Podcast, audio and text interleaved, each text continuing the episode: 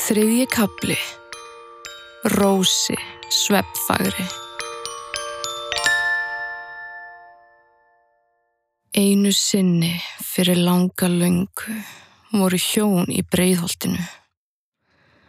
Þau voru svo sorgmætt að þau litu aldrei í glaðan dag. Alltaf voru þau að væla og grenja.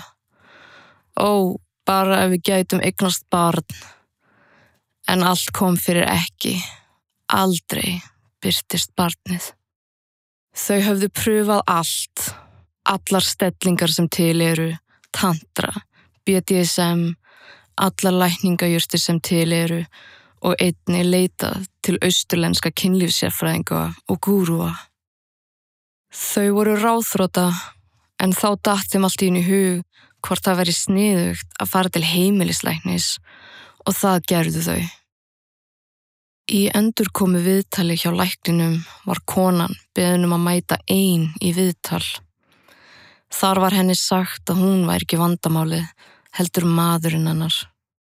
Hann væri ófrjór með öllu.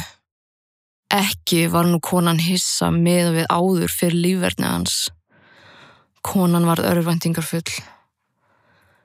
Læknirinn leit á konuna og sagði að hann væri með hugmynd. En væri ekki viss hvort henni myndi líka hana.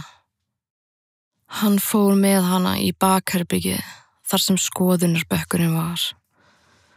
Hann bað hana að leggjast á hann. Hann sagði svo allt í einu í lágum rómi. Þessi þættir eru engungu í áskrift. Ef þú vilt heyra meira, smeltu þá á hlekkin í lýsingu þáttarins.